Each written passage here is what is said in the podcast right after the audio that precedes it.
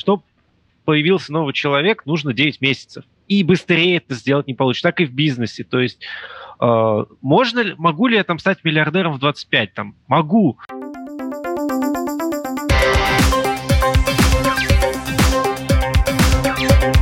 Поколение Z.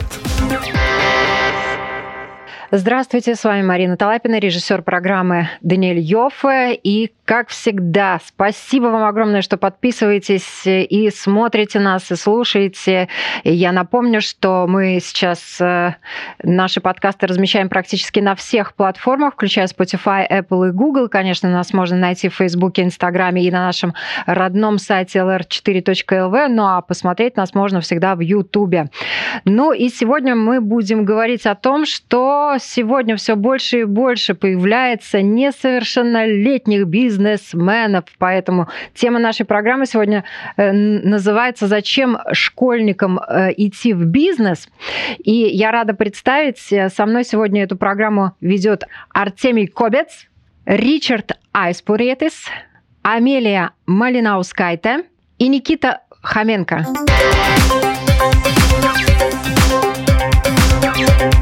Поколение Z. Для начала, чтобы наши зрители и слушатели лучше поняли, с кем они сегодня имеют дело, кто будет рассуждать о бизнесе, я предлагаю, ребята, вам рассказать немного о себе, о том, чем вы занимаетесь, сколько вам лет.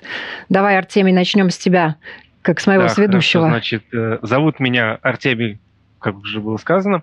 А, учусь я в 10 классе, мне 16 лет, я сооснователь э, Riga Youth Business Club, организации, которую мы здесь все представляем.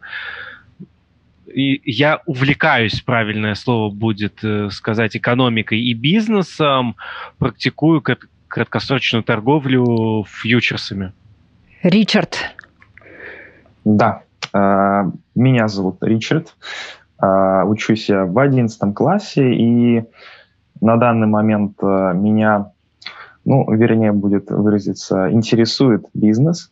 А, также я заинтересован в психологии, в том числе в ее применении в бизнесе, и являюсь организацией Young Folks, основателем психологического клуба, где мы разбираем все связанные с психологией вопросы. Амелия. Здравствуйте, меня зовут Амелия, мне 17 лет, и в этом году я заканчиваю экстерном 12 класс, так как я обожаю больше всего я увлекаюсь также психологией и бизнесом и решила связать свою жизнь с э, менеджер, менеджерством и управлением бизнесом. Поэтому я хочу в этом году поступить в ВШЭ. И моя сфера деятельности, я СММ-менеджер четырех э, страничек в Инстаграм. Уже на сегодняшний день? На сегодняшний день. Угу. Никита.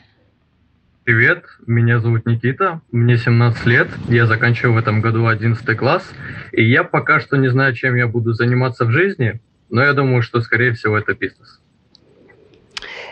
Итак, вот мне интересно, ребят, тяга к предпринимательству, интерес к предпринимательству. Сколько вам было лет, когда вы для себя что-то поняли? Может быть, какой-то человек появился в вашей жизни и дал вам э, направление, э, и вы решили заняться бизнесом, попробовать себя в этом? Как это произошло? Ну вот лично у меня ничего такого не было, просто как-то я всегда занимался тем, что мне нравилось, искал какие-то возможности, пробовал разные вещи, ну и вот э, со временем я пришел в бизнес. Конечно, некие предпосылки были, когда мне было сколько, да, 13 лет, я э, увлекся вот э, темой предпринимательства. Ну, начиналось все, наверное, как и у всех. Ты видишь какого-нибудь Олега Тинькова, он ездит на Роллс-Ройсе, у него вокруг него там бегают люди, все его слушаются. Ну, здорово, хочется быть таким же, особенно в 13 лет. А потом уже начинаешь разбираться, думать, э, а что делать, зачем, для чего. Ну, вот и пришел в итоге на данный момент к фондовому рынку и Рига я в бизнес-клаб. Ну да, ну в 16 лет ты пришел, а некоторые там и в 30, и в 40, и в 50 к этому не приходят. Не всем надо. Абсолютно. Это я могу сказать, что вот так вот, как я живу, это не всем надо и далеко, ну, то есть я вот, допустим, постоянно бегаю, то есть постоянно что-то делаю, вот, ну, никогда то есть, ну, это не для всех, объективно. Бизнес это не для всех. Но на рынке э, для того, чтобы тебе в фьючерсном надо, надо было появиться, нужен был какой-то стартовый капитал в любом случае, правильно? Там какие-то вложения тебе необходимо было делать. И... Ну, на данный момент э, еще вложения планируются вот в ближайшее время уже делаться, небольшие. Сейчас, благо, благодаря IT, ну, потому что все компьютеризировалось, это намного дешевле. Сейчас порог входа стал на любой рынок, и сейчас очень многие туда пошли. Этого делать тоже не надо, как и в бизнес. А, да.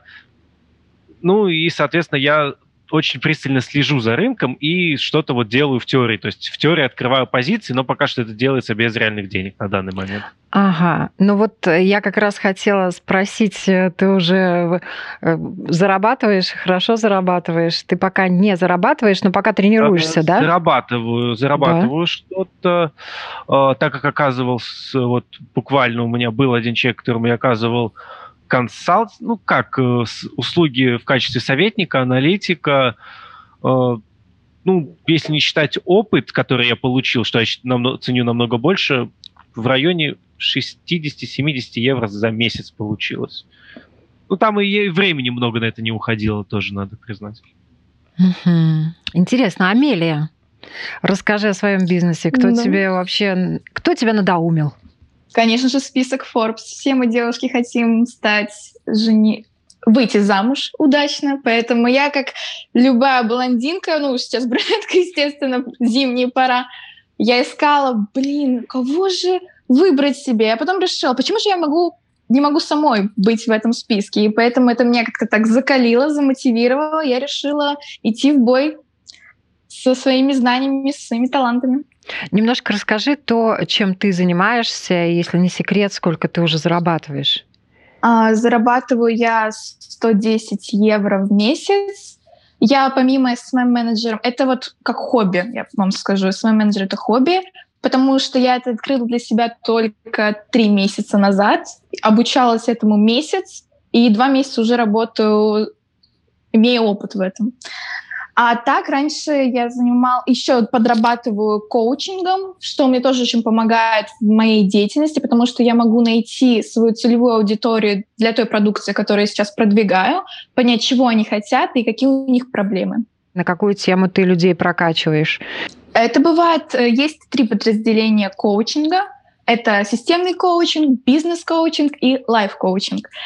Я скептически относилась к бизнес-коучингу, но, как оказалось, это больше меня заряжает, потому что я больше в этом оказывается, соображаю, чем лайф-коучинг. И лайф-коучинг — это больше про отношения, про семью, как э, выбрать между двумя парнями, что мне делать. А бизнес-коучинг — это больше про цели, про установки, про планирование, про контроль и как мы... Что касается бизнеса, вот. Но, Но... коучинг — это не психолог, он не дает никаких советов. Бесспорно. Я через вопросы. Угу. А, ну я могу просто объяснить, вдруг кто-то не знает, что такое коучинг. Для нас это что-то новое. И говорят, что в дальнейшем коучинг э, возглавит свои позиции, будет одной из самых э, популяризированных профессий в мире.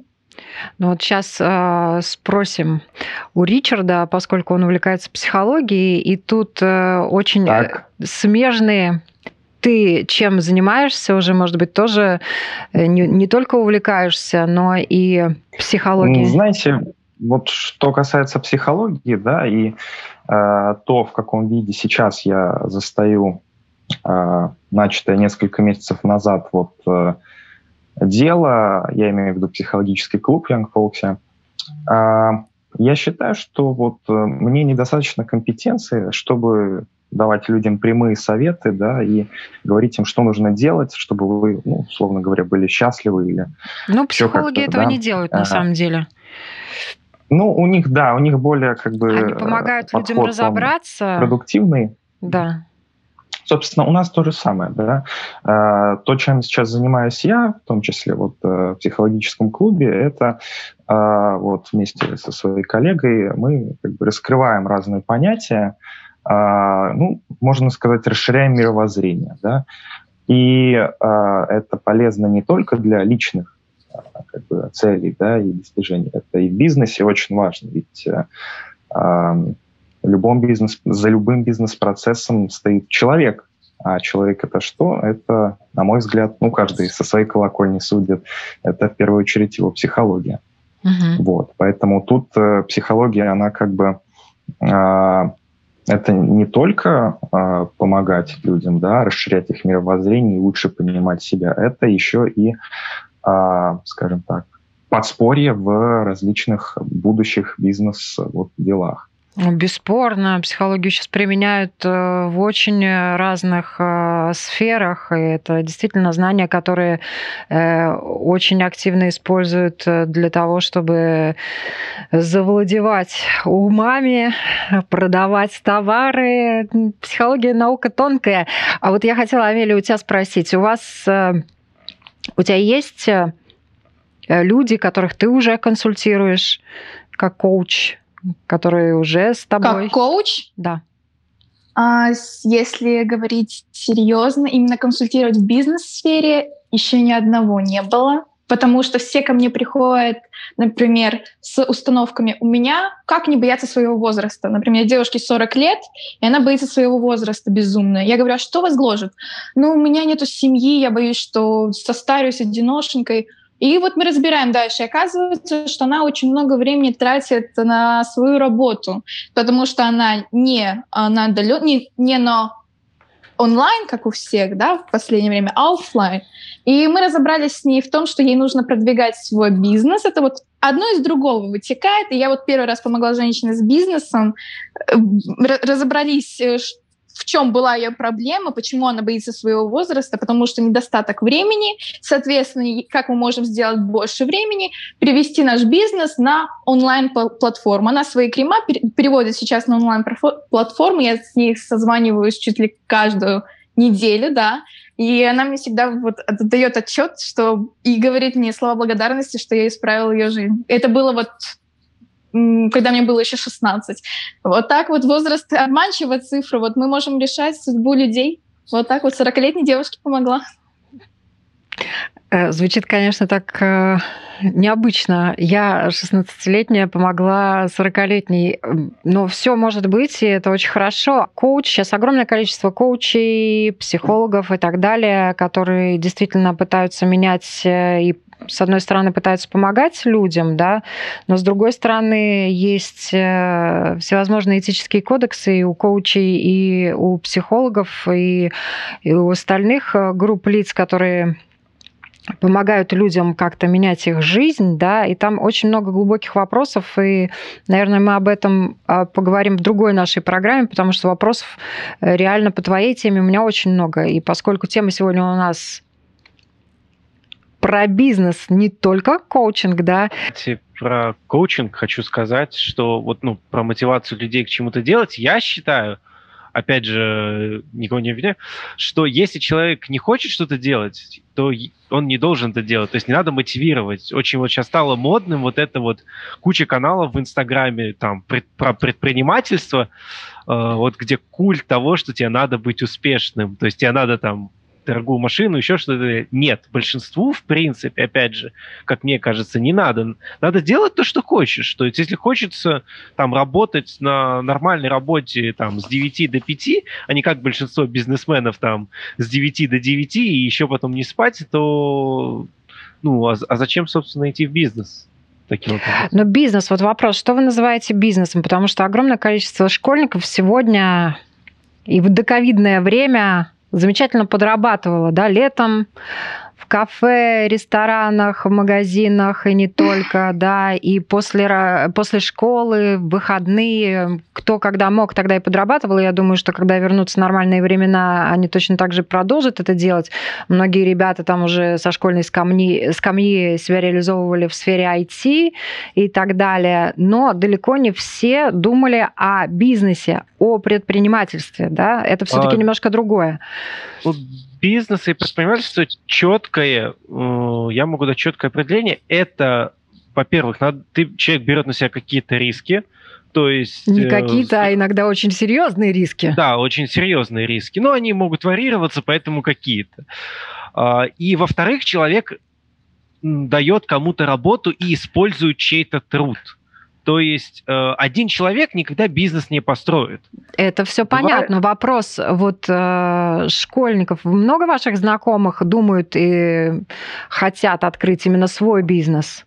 На самом деле бизнес – это сейчас очень модное направление у школьников и у моих сверстников, потому что, например, вот э, начиная с 9, 10 и 11 класс мои сверстники только твердят об этом, что они хотели бы там эм, начать собственное дело, производить что-то, что-то делать своими руками. Но мне кажется, что сейчас представление о бизнесе э, вот у молодых людей очень размыто. И скорее они понимают это как заработок, как перепродажа чего-нибудь, чего-нибудь такое вещественное. Я бы не сказал, что это прям какой-то глобальный термин сейчас. Угу. То есть э, говорим бизнес, э, подразумеваем заработок, работу, подработку ту же, да? Ну, скорее всего, да, потому что, например, э, многие называют бизнесом то, что они там, например, делают мыло с помощью там помощью своих друзей каких-то, потом заводит страничку в Инстаграме и через Инстаграм продает. Вроде бы это маленький, но все же... Но это предпринимательство, бизнес. да, чистой воды, да. как ни крути. И я знаю, у нас были программы с ребятами из Латгалии, и там э, им на уровне даже Даугавпилской думы, например, э, помогали реализовывать свои проекты, встречаться, расширять свой бизнес тот самый небольшой, маленький мыльный бизнес, но ребята очень хорошо поднялись. Опять же, если человек работает один, вот как я, то есть я себя на данный момент бизнесменом или предпринимателем назвать не могу. Я человек, который в эту сферу хочет попасть и хочет этим заниматься. Но пока что я в лучшем случае фрилансер какой-то, то есть там по найму сделаю какую-то работу без э,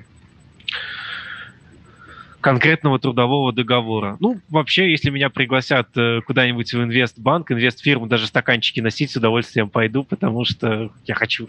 Возьмите, пожалуйста, куда-нибудь. Движуху. Необходима да, движуха. движуха. Но смотреть на умных, успешных людей, которые ходят вокруг тебя, ты им носишь стаканчики и учишься у них. Бесспорно, это, по-моему, всегда да. так было. Да, это всегда так было, да, и многие преуспевающие бизнесмены именно с этого начинали кто-то в 4 года начал продавать мороженое и стал миллиардером, правильно? Ричард, вот мне хочется у тебя спросить. Так. Ты э, планируешь э, заниматься личными продажами в сфере недвижимости? Может ну, быть, ты уже себя пробовал это... на рынке недвижимости? Это было написано, потому что самое такое возможное направление, так как э, близкие мне люди имеют колоссальный опыт в этом деле. Но да, поэтому вполне возможно, как бы я возьму именно это направление. Опыт э, какой-никакой есть. Я как бы, примерно представляю себе этот бизнес. Опыт, какой опыт? Поделись. В э, реконструкции. Э, хорошо, ну вот, значит, был проект, нужно было, а, ну, у моего близкого человека нужно было а, отреставрировать недвижимость и продать. Я участвовал в этих работах, я понимал, а, как это все делается, как реставрируется здание, а, как и кому это продается, да, и а, то есть э, в таком проекте участвовал. Да. Угу. Ну, то есть Поэтому ты видел все этапы и какие-то... Почему нет? Угу. То есть ты видел все этапы того, да, как да, это делалось? безусловно. Большое здание? Ну, три этажа. Достойно это в Риге где-то, в центре? Вот. Может быть, это югент-стиль? Это, это другой, другой городочек. Другой городочек. Но тем не менее, Небольшой. супер. Не, но интересно, что у вас уже в вашем возрасте опыт э, таких проектов. Да, Никита, я думаю, что у тебя наверняка тоже есть опыт. Да, опыт, но не в проектах. Ну, не, не... в проектах, рассказывай. Ну, Вообще, на самом деле, это интересно, как началось, потому что я не смотрел ни в списке Forbes, не думал э, удачно жениться.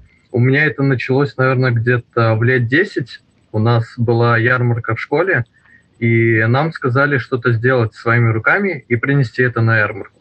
И, естественно, все начали соревноваться, кто оригинальнее что придумает. Вот. Но я, в принципе, вот э, на своем примере, я пробовал мыловарение тогда, я занимался этим очень долго. И э, у меня, мне удалось заработать потом 40 евро за час, получается. У меня раскупили все мыло, я это ну, продал. И меня зажигает именно какой-то азарт именно к деньгам, потому что, например, э, я могу монетизировать еще свои знания. Я помогал вот ребятам, если у них не получается там с математикой, с русским, какая угодно работа. Просто мне скидывают там пароль, например, логин от своего аккаунта, и я захожу туда, делаю за деньги, все довольны, как бы все счастливы. Вот. Поэтому я считаю, что меня больше привлекает именно вот этот азарт к деньгам, и я считаю, что довольно много чего я перепробовал. Вот мыловарение, учеба, плюс я еще обучал кого, ну, кого-то гитаре, друзей, ну, много опыта было. Но бизнес все-таки, на мой взгляд, подразумевает то, что ты где-то берешь стартовый капитал или ты там зарабатываешь какие-то деньги и рискуешь. Да, конечно. А, такая затея тоже была, но проблема в том, что хорошо, что я вступил в этот клуб, я нашел единомышленников. А есть люди, которые, например, сдаются под натиском ситуаций. Например, у меня был напарник, с которым мы планировали вот открыть дело свой, собственно, но потом он сказал, что, э, во-первых, рентабельность многих компаний упала, ни у кого нет денег, я не хочу ехать в автобусе, там, например, закупать специальные коробочки для упаковки для товара. И потом я понимаю, что, ну все, человек сдулся. Как я могу с ним дальше работать? Поэтому сейчас я, в принципе, в той стадии, что я ищу идеи, нахожу их где-то и планирую вот воплощать. А вы не участвовали в каких-то бизнес-инкубаторах э, таких, э, не принимали участие? Потому На что данный можно... момент нет, но думаю, в будущем поучаствуем наверное. Но мне кажется, сейчас вообще такая благодатная э, почва, особенно для молодых ребят. Единственные, наверное, какие-то юридические заковырки, там слишком рано ты не сможешь открыть э, без родителей свою компанию, там формально она, наверное, будет принадлежать им, но возможностей действительно много, и многие ребята этим пользуются. Я э, хочу сейчас Э, вам э, рассказать, что я нашла. Я на сайте клуба директоров э, dirclub.ru наткнулась на статью «Возраст не помеха. 11 историй успеха юных предпринимателей». И, конечно, я все сейчас зачитывать не собираюсь, но несколько я бы хотела вам прочитать, потому что истории действительно заставляют взглянуть на юных предпринимателей по-другому и вызывают уважение. Микейла Уильмер – 11 лет. Э, когда ей было 4,5 года, ее укусила пчела. И любознательная девочка заинтересовалась насекомым, собрала информацию и поняла, что пчелы важны для экосистемы, а еще получила печальное знание о том, что они постепенно вымирают. И примерно в это же время бабушка Хелен прислала внучке поваренную книгу 40-х годов, в которой содержался рецепт льняного лимонада. Это, казалось бы, не связанные друг с другом события привели к созданию лимонада Me and Bees, и со вкусом э, этот лимонад льна, мяты и меды, и определенная сумма с продажи каждой бутылочке этого напитка перечисляется на счет ассоциации пчеловодов. Вот. Изначально Микейла готовила лимонад только для одной э, пиццерии в родном городе. Позднее она прочла несколько лекций о важности э, роли пчел и презентовала свою продукцию в супермаркетах э, американской сети. И в результате чего заключила контракт на продажу лимонада во всех магазинах этой сети. И вот, например, Эрик Финман, ему 17 лет, он в детстве часто менял учебные заведения и регулярно подвергался преследованиям со стороны сверстников. Его недолюбливали не только дети, но и учителя, один из которых позволил себе сказать, что ему пора уйти из школы и устроиться в Макдональдс, ибо на большее он не способен. Вот. Мальчишки дали пендель, так некрасиво. А в конечном итоге будущий предприниматель бросил школу, но не образование. Используя домашний компьютер с подключением к интернету, он разработал собственную учебную среду и назвал ее Батангл.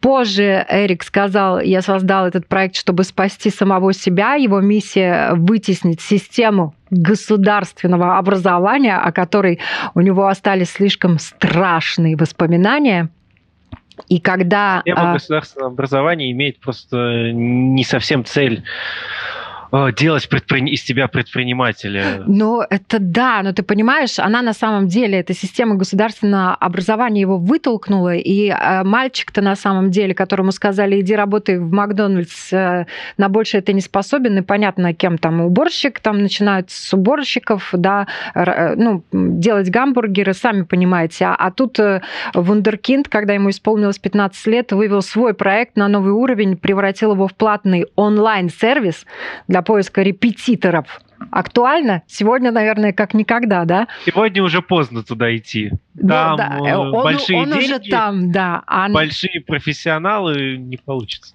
Ну, но актуальная тема, согласитесь, да? Тема актуальная. Абсолютно актуальная. И на запуск э, ушло 100 тысяч долларов, ребят, которые э, парень заработал самостоятельно, купив за два года до этого цифровую валюту биткоин. И на полученные от бабушки деньги. Всего лишь тысячу долларов купил биткоин и, пожалуйста, 100 тысяч заработал. В итоге открыл э, свою онлайн-платформу Шапки долой. И сейчас под началом Эрика работает команда программистов, которая поддерживает э, Батангл и несколько других перспективных проектов. И на этом подросток не остановился, и в 17 лет он запустил э, краудфандинговую кампанию на Indiegogo, и чтобы собрать деньги для запуска производства шлемов виртуальной реальности, совместимых со смартфонами. Вот. Но Эрик считает, что самое прекрасное в бизнесе – это возможность не ходить в школу. И еще а, пару историй я вам прочитаю, просто их потом обсудим. А, Оля Форсич, 18 а, лет, чтобы вот э, в 13 лет начать предпринимательскую карьеру, парня вдохновил Ричард Брэнсон. Так же, как и Брэнсон, Оля ненавидел школу. И сверстники считали его ленивым и часто над ним издевались, хотя позднее оказалось, что у мальчика дислексия, расстройство, осложняющее процесс обучения чтению и письму, как и у его кумира. Да? И однажды просматривая ролики на Ютубе, парень наткнулся на запись э, выступления своего кумира, в котором тот рассказал, как смог превратить дислексию из врага в союзника. Именно тогда Оля решил стать похожим, и в итоге э, он уже настроен э, стать э, миллионером, открыл онлайн-магазин, продает модные аксессуары, браслеты, запонки, ремни и тому подобное. И еще одна история. Э, Брэндон э, Бойнтон, ему 19 лет, в школе парня травили за непохожесть. А он вспоминает, э, вот цитата, «Я выглядел странно, разговаривал странно, я всех боялся». И в попытке побороть свою застенчивость Брэндон выдвинул свою кандидатуру на пост президента класса. И э, это еще больше ухудшило его ситуацию, и агитационные плакаты с его именем срывали со стен, уничтожали и исписали оскорбительными текстами. Итогом стала депрессия и даже мысли о суициде. И на тот момент молодому человеку было всего 14 лет в поисках справедливости, но опасаясь мести со стороны обидчиков, Брэндон написал анонимную жалобу э, на них и бросил ее в специальный ящик, висевший на стене школьного здания. И в этот момент его посетила идея создать онлайн-сервис с аналогичными функциями, который э, будет более удобным в использовании. Вот, его родители поддержали, он применил свои знания, полученные в процессе обучения, и он создал свою компанию по разработке программного обеспечения, и первым его продуктом стало приложение The Bully Box, которое позволяет анонимно сообщать о случаях травли в школе. Вот. И он э, написал, что я создаю приложения, которые меняют мир, не игры, программы, которые помогают людям. Вот. Я так понимаю, это история с Запада все. Это да, это западная история, это американские истории, более того, да. Потому и... что я сменил четыре школы, но вот прям таких случаев нигде не помню. Это Латвия очень хорошая страна, ты живешь в замечательной стране. А в Америке видишь, как школьников булят?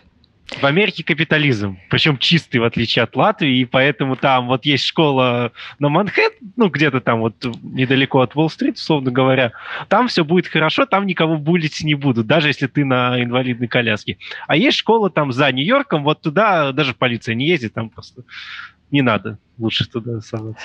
Ну, тут вопрос, наверное, такой, почему буллет, почему не буллет, мы эти темы тоже поднимали, и это отдельная тоже история, и там есть о чем говорить.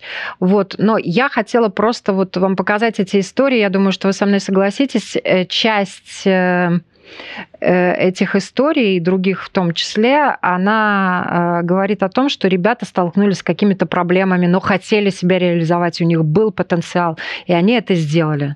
Да? То есть они развернулись, от той системы, которая каким-то образом э, их не принимала, да, и сделали, открыли, доказали, что они могут, самоутвердились и в конце концов зарабатывают нормальные, хорошие деньги, очень серьезные. Вот. А хочется спросить э, вас. Да, я понимаю, обижали ли нас. И что я хочу сразу сказать, заметьте, тем, кто нас будет смотреть, слушать, что надо делать, чтобы стать успешным предпринимателем? Надо делать что-то другое. То есть их обижали, потому что они как-то не вписывались в общую тусовку и так далее. То есть если закончить школу хорошо, потом пойти закончить обычный университет и пойти на работу, ты богатым не станешь, не потому, что там это неправильно, просто математически так делают там миллион. Почему и, не станешь? Этого... Смотря какую школу, смотря какой университет. Ну, я, я же говорю, в, обы, в обычно среднестатистический. Да, понятно, если закончить школу, хорошо поступить в Стэнфорд, да, или там в Гарвард, э, из которого там вышли 8 из 45 уни- президент, 46 президентов штатов, если не ошибаюсь, там ситуация будет другая. То есть надо делать что-то либо что-то другое. Ну, или делать тогда лучше всех, вот как э, случай со школой. То есть можно ли стать успешным благодаря знаниям математики? Можно, но для этого математикой надо заниматься лучше всех. Как-то так. Ребят, вас обижали в школе? Может, Слушай, я с тобой не да, согласна. Я, я бы на самом деле... Да. Почему? Угу. Что? Давай, Ричард, ты, а потом э, или давайте Хорошо. уступим место. А... Ну, у меня на самом деле был э, хороший пример, да, э, моего знакомого. Он э, учится вместе со мной в классе. Э, С-направление, э, это значит, что как бы бизнес-направление. И пока что, ну вот, единственный человек из класса, который реально что-то делает в бизнес-направлении. Но это к слову о том, э, к слову о формальном образовании и а, реальном бизнесе. Ну а, да, вот, вот Амелия, наверное, тоже что-то хотела сказать, да? Хобби. Ну, во-первых, я не согласна с Артемием, потому что, ну, во-первых, надо делать бизнес, если у тебя есть тема, на которой ты прям горишь, зажигаешься, либо у тебя есть проблема. Например, вот вторая история, э, у него были проблемы, я так понимаю, в школе. Ему не нравилось учить, потому что не было нормальных учителей. Поэтому он и создал сайт репетиторов. Все же исходит от проблем. Например, Тина Канделаки, она не могла, она рассказывала свою историю, как она сделала свой бренд косметики, она не могла найти для себя увлажняющий крем, и поэтому у нее была идея создать свой крем для себя. И, естественно, если ты делаешь продукт для себя, он как ни крути, будет хорошим. Поэтому все отходит из проблем либо от того, что тебя на самом деле зажигает. Мне кажется, либо что зажигает. человек создает свой бизнес именно когда вот сталкивается с какой-то и вправду действительно большой проблемой, или у него, ну как, в семье что-то нехорошо, или наоборот его травили в школе. Потому что получается после того, как человек сам обдумывает свои действия, он понимает, что ему не нравится так жить. И только после этого у людей приходит озарение, но не у всех, конечно же, тоже оговорочка такая небольшая, что он способен на гораздо больше. И ну, потом вот говорят... уже появляется дисциплина, которая его и двигает всех людей. Ну, говорят, еще есть такая... что бизнесмен обязательно... То есть, да, человек чем-то недоволен в своей жизни, потому что только если человек чем-то недоволен, он будет работать А почему много только недоволен? Почему только недоволен? Я знаю э, одного вот. человека, который сын миллионера, и он в школе на перемене бежал быстренько, покупал э, завтраки и продавал их старшеклассникам ленивым перепродавал, да, ему не нужны были эти деньги как таковые, но у него была вот эта вот принимать, предпринимательская жилка, и он, он хотел просто делать деньги. Вот он в школе придумал себе такое занятие. Потом он создал э, со своими одноклассниками проекты, замечательно сейчас зарабатывает.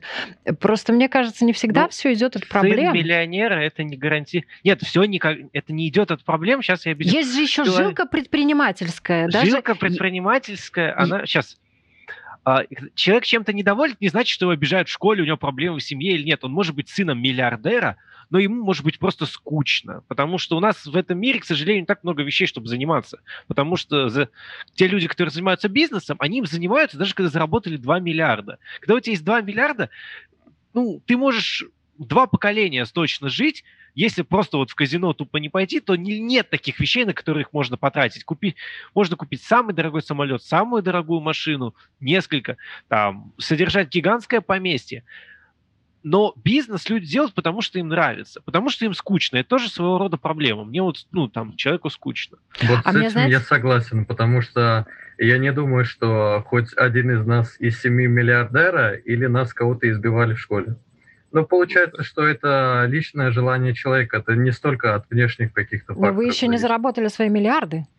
Ну, да. Но потом встретимся еще раз. Очень хотелось бы. А я хотела вас спросить, вот у вас есть какие-нибудь примеры сверстников, может быть, не сверстников, которые вас вдохновляют? Конечно, хотелось бы узнать э, именно примеры молодых людей. Ну, э, Ричард, да, одноклассник делает э, да, я бы тысячи, хотел... не ошибаюсь, если... Вот, я начал, собственно, с конкретного примера, как, который как раз-таки доказывает, что не все из проблемы исходит, а в данном случае вот у моего знакомого все исходило из хобби, да, из того, что его действительно интересовало, а именно программирование. Он этим действительно увлекался, и э, в какой-то момент э, ему начали приходить деньги да, за то дело, которое он любит э, то есть за программирование конкретно игр. И а, впоследствии он начал все это дело развивать и раскручивать. И в том числе он, я его приглашал к нам на встречи в наш бизнес-клуб, и он рассказывал как а, а, о своих текущих делах, а, о том, что а, уже получает неплохой доход в его-то возрасте, да, он тоже Какой, если классе. не секрет? А, ну, четырехзначный? Ну, около или пятизначный? Четырехзначный. Нет, пока что еще не пятизначный. Но мы болеем за него, надеемся, Четырех, будет пятизначный. Да. Но на самом деле вот. таких Поэтому... примеров много. Но они не единичные, Конечно, по да. крайней Но мере. я просто конкретный привел. Того человека, которого я знаю, и который участвовал вот у нас в нашем клубе, да, в качестве спикера. Да, то есть это очень важно, когда человек рядом и действительно, потому что где-то там далеко в Англии это не мотивирует. А вот когда кто-то рядом с тобой зарабатывает там в три раза больше вместе, там в пять раз больше, чем ты, то, конечно, заставляет двигаться. Но таких людей немного. Хочу подметить, Хочу просто подметить, что окружение также влияет на нас. Например, вот эта вот предпринимательская жилка появилась у сына миллиардера — как вы сказали, потому что он видит своего отца, видит, как он работает. И, естественно, его тоже это заинтересовало, поэтому тоже хотел углубиться, по крайней мере, как, э, знаете, вот ребенок открытыми глазками, таким хлоп-хлоп, мам, хочу вот это, хочу вот это. И вот как раз-таки этот сын захотел это сделать и сделал. Это, кстати, э, а что тебя побудило? Вот кто тебя вдохновил? Кто у тебя из окружения есть, э, у кого есть эта предпринимательская жилка? Но я же говорю больше не о себе, а о а ваших а мы примерах. Хотим Но узнать... меня, да, про меня тебя. гнобили в школе. Я не хотела это обсуждать, буллинг тут. Нет, меня э, обзывали толстой и никому не нужный. То, что даже учительница по латышскому говорила, что как ты не знаешь слово «априет» на отъезд. Ну, это же единственное, что спасет тебя в этой жизни. Я говорю, и, естественно, мне это не понравилось. Я взяла себя в руки и сказала, что замужество меня не должно никак спасать, хочу быть независимой. Не феминистка тут нет, ничего, просто независимо хочу отделиться от э, этих стереотипов, что да, если красиво, значит э, дурочка, если толстая, значит ну, у всех разные стереотипы, всем не угодишь, мы не 100-долларовая купюра, да, но вот меня больше повлияло и зарядило то, что меня, так сказать, обвиняли в моей внешности и в то, что я ничего не достигну. Вот и доказала, что и похудела на 12 килограмм, и э, начала делать свое дело. Кстати, Young Folks, хочу подметить, если бы не Young Folks, не это окружение вокруг меня, может быть, я и не была бы своим менеджером, не хотела поступать на один из лучших вузов России. И в завершении, наверное, хочется о сложном. А вот э, на ваш взгляд, вы еще не реализовались, а хотите так по полной программе реализоваться. Что вам мешает? Чего вам не хватает, чтобы вот стартануть, так стартануть, чтобы у вас уже в конце концов появились те самые миллиарды? Миллионы, миллиарды. А что вы подразумеваете под э, стартануть, прям стартануть? Ну, ну потому что миллиард мне сейчас, если мне хуже будет, если я получу его сейчас, чем через 40 лет. Заработаешь, не получишь. На голову ничего не упадет. Вопрос 16 вот... 16 э, лет миллиард, он не может не упасть на. Как он может не упасть на голову 16 лет? 16 лет тебе ну, ты должен быть либо гением просто, а, который либо начать... не просто заработает. Ну, Он давай, давай подумаем именно о том, что, вот, что, э, чего вам э, не хватает, чтобы там, пускай через несколько лет, вот на сегодняшний день, чего вам не хватает, чтобы вот реально начать э, свой бизнес, не просто рассуждать о нем, не просто говорить, а вот реально уже создать компанию, нанять людей, работать. Мне кажется, что я сам себе мешаю, потому что бизнес это всегда, если у тебя нет мотивации, например, вот ты вдохновился один раз, но потом, когда возникают трудности, человек может просто либо выгореть, либо перестать этим заниматься. Поэтому я считаю, что здесь большей части большую роль играет вот э, саморазвитие, дисциплина, и именно понимание того, что на самом деле возможностей там много. Например, вот э, Рижский бизнес-клаб – Young Folks. И после этого, после этого всего ты можешь это все использовать, но именно сам себе человек мешает. Вот, например, ну, я про себя говорю. Спасибо. Ричард? Наверное, самым важным, ключевым, я бы сказал, э, в любом успехе, это представление о будущем, да? Э, предсказание своего будущего. И я думаю, что успешные люди, бизнесмены обязательно, они этим навыком обладают. А, из, из услышанного от э, спикеров, которые уже были в нашем клубе, а, были персонажи достаточно успешные. Я думаю, Артемий сможет потом сказать, какие конкретно. А, и вот э, э, как бы ты слушаешь и понимаешь, что человек, он может вот простроить эту картинку на будущее и действовать уже сейчас. То есть его зажигает э, вот это представление. Поэтому я думаю, что это самое важное. Ну, я психологической думаю, что это точки зрения не единственное, потому что огромное количество бизнесменов все-таки э, и падали, и поднимались, и рисковали, и проигрывали, и потом все равно это их не останавливало, и они все равно продолжали идти вперед к своей цели, к своей идее. Артемий. Что мешает э, стать успешным в бизнесе вот прямо мне ну, сейчас? Ну, прям не мешать, чего тебе не хватает. Может быть, ментора. Я бы с удовольствием э, нашел бы себе условного Гордона Гекка, который бы меня научил как и что работает вот э, в мире финансов. Я думаю, я найду. То есть э, бизнес это как и любое другое дело. Нельзя при всем желании, чтобы появился новый человек, нужно 9 месяцев. И быстрее это сделать не получится. Так и в бизнесе. То есть э, можно могу ли я там стать миллиардером в 25? Там, могу. Но мне кажется, что плавный рост человека намного лучше. И у меня для этого все есть. Но если кто-то сейчас по радио слушает там, и, или смотрит, э, если вы заняты в сфере финансов, там будет э, ссылка, я думаю, в в описании Riga Youth Business Club, если что, называется наша организация. Вы пишите, я буду очень рад. Амелия, что тебе надо, чтобы вот э, начать раскрутиться по максимуму? А, вопрос состоит в, во времени. Все у меня произойдет. Я уже точно знаю. Вот я даже себе прописала. Вот моя мечта, и вот моя точка А.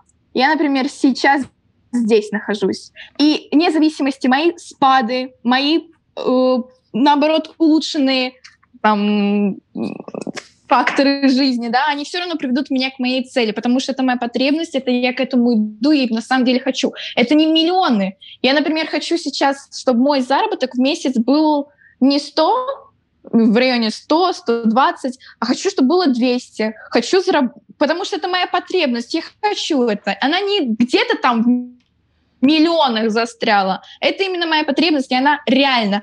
Надо ставить цели, вот хочу, да, надо мечтать, но надо ставить цели, чтобы они были реальными, а не выдуманные из картинки. Так и речь Вот. сейчас Тогда у вас. Спасибо, Вопрос ребят, только спасибо времени. огромное за эту беседу. Наш разговор подошел к концу. Очень приятно и интересно было вас послушать. И добавлю лишь, что если вы увидели успешный бизнес, это значит, что кто-то однажды принял смелое решение. Всем хорошего дня.